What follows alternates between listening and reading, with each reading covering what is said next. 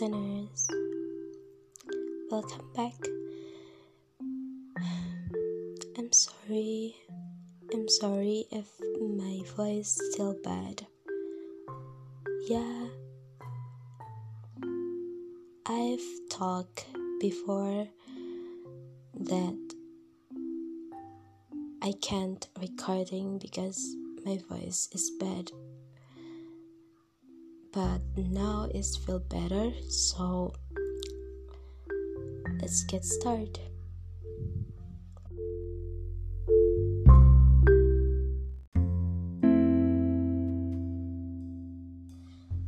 Buat kamu yang bimbang sama perasaannya sendiri dan buat kamu yang suka aku eh bercanda bercanda.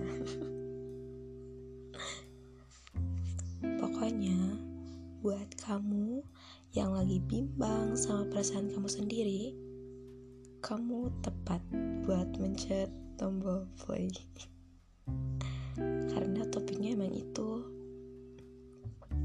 Gak tau kenapa hari ini aku pengen double episode dan aku pengen ngobrol secara santai hmm, tanpa ada skrip apa pun dan menurut aku ini juga harus dibahas karena kasusnya sudah banyak terjadi uh, menimpa para remaja di luar sana. Oke, jadi awalnya kayak gini. Awalnya ada satu cowok atau ada satu cewek nggak datengin atau mereka datang ke hidup kamu secara tidak disengaja dan mereka sama sekali nggak kamu kenal. Tapi mereka datang. Itu semua udah kayak rencana Tuhan yang turun dari langit. Kenapa? Karena kita aja nggak tahu kalau ternyata orang itu tuh ternyata bakal hadir dan menarik perhatian kita. Beribu-ribu orang ya di dunia ini. Lalu beratus-ratus orang beratus-ratus juta orang gitu di Indonesia dan beratus-ratus ribu orang di kotamu atau di tempat kamu bertemu dengan dia. Cuma dia satu orang yang bikin hati kamu ngerasa tertarik. Entah itu ketemunya secara real life sosmed ya virtual lah gitu. Kayak dari sosmed misalnya dari followers atau tiba-tiba nge-follow gitu atau dari telegram dari suatu platform dari suatu grup chat ya pokoknya berbau-bau virtual gitu. Semua itu bisa terjadi dan semua itu udah ditakdirkan. Dan uh, uniknya gitu bingung sama perasaan sendiri entah karena gak siap atau entah karena kitanya cuman masuk-masukin aja tanpa mikir terlebih dahulu gitu. Ya jenis banget sih kayak garing banget gitu.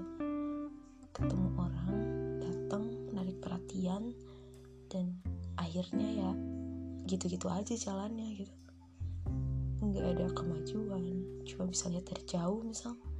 Atau cuma menjadi sebuah puisi menjadi sebuah cerita menjadi sebuah kisah yang tak terselesaikan menjadi sebuah uh, kisah yang sangat-sangat menyedihkan gitu. Patah hati malah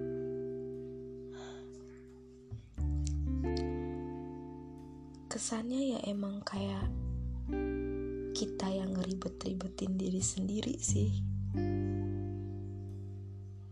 Sebenarnya kisah itu tuh bisa dimulai.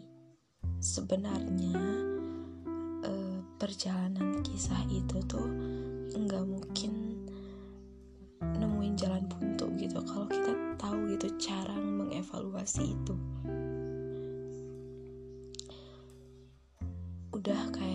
sebuah problem di diri kita ya. Kita yang kita sendiri yang ngebuatnya gitu. Kita sendiri yang mengolah perasaan itu menjadi uh, sebuah apa ya sebuah keluaran gitu. Keluaran tuh apa ya? Lebih ke kayak sebuah output yang emang seharusnya nggak ada gitu dan itu tuh emang sepenuhnya salah kita.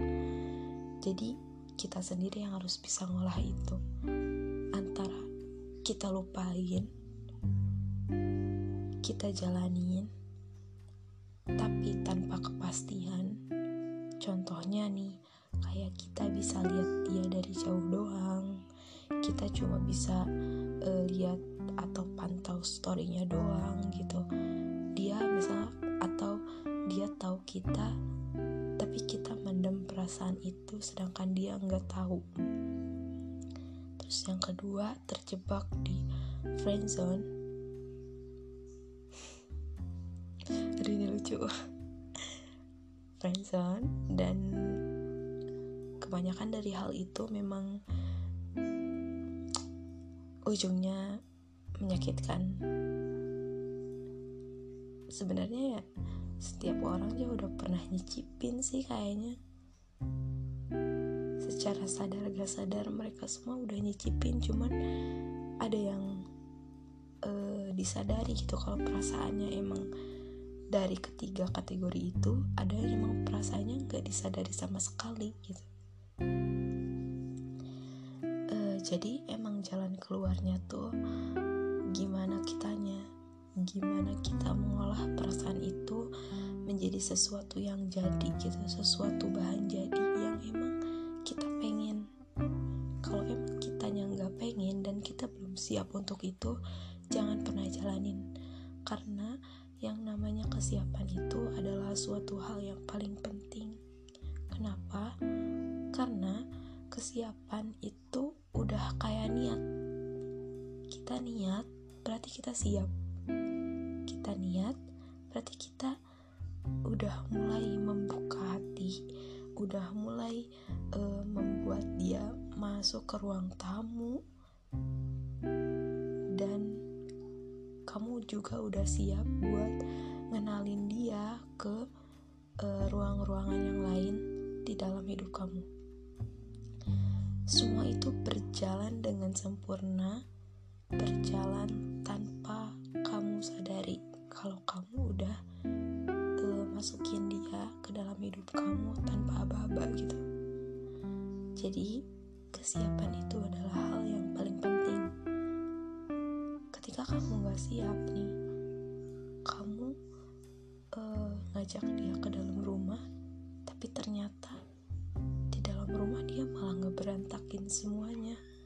Ya kamu gimana caranya ini buat ngusir dia gitu sedangkan semua kenangan ada di dalamnya.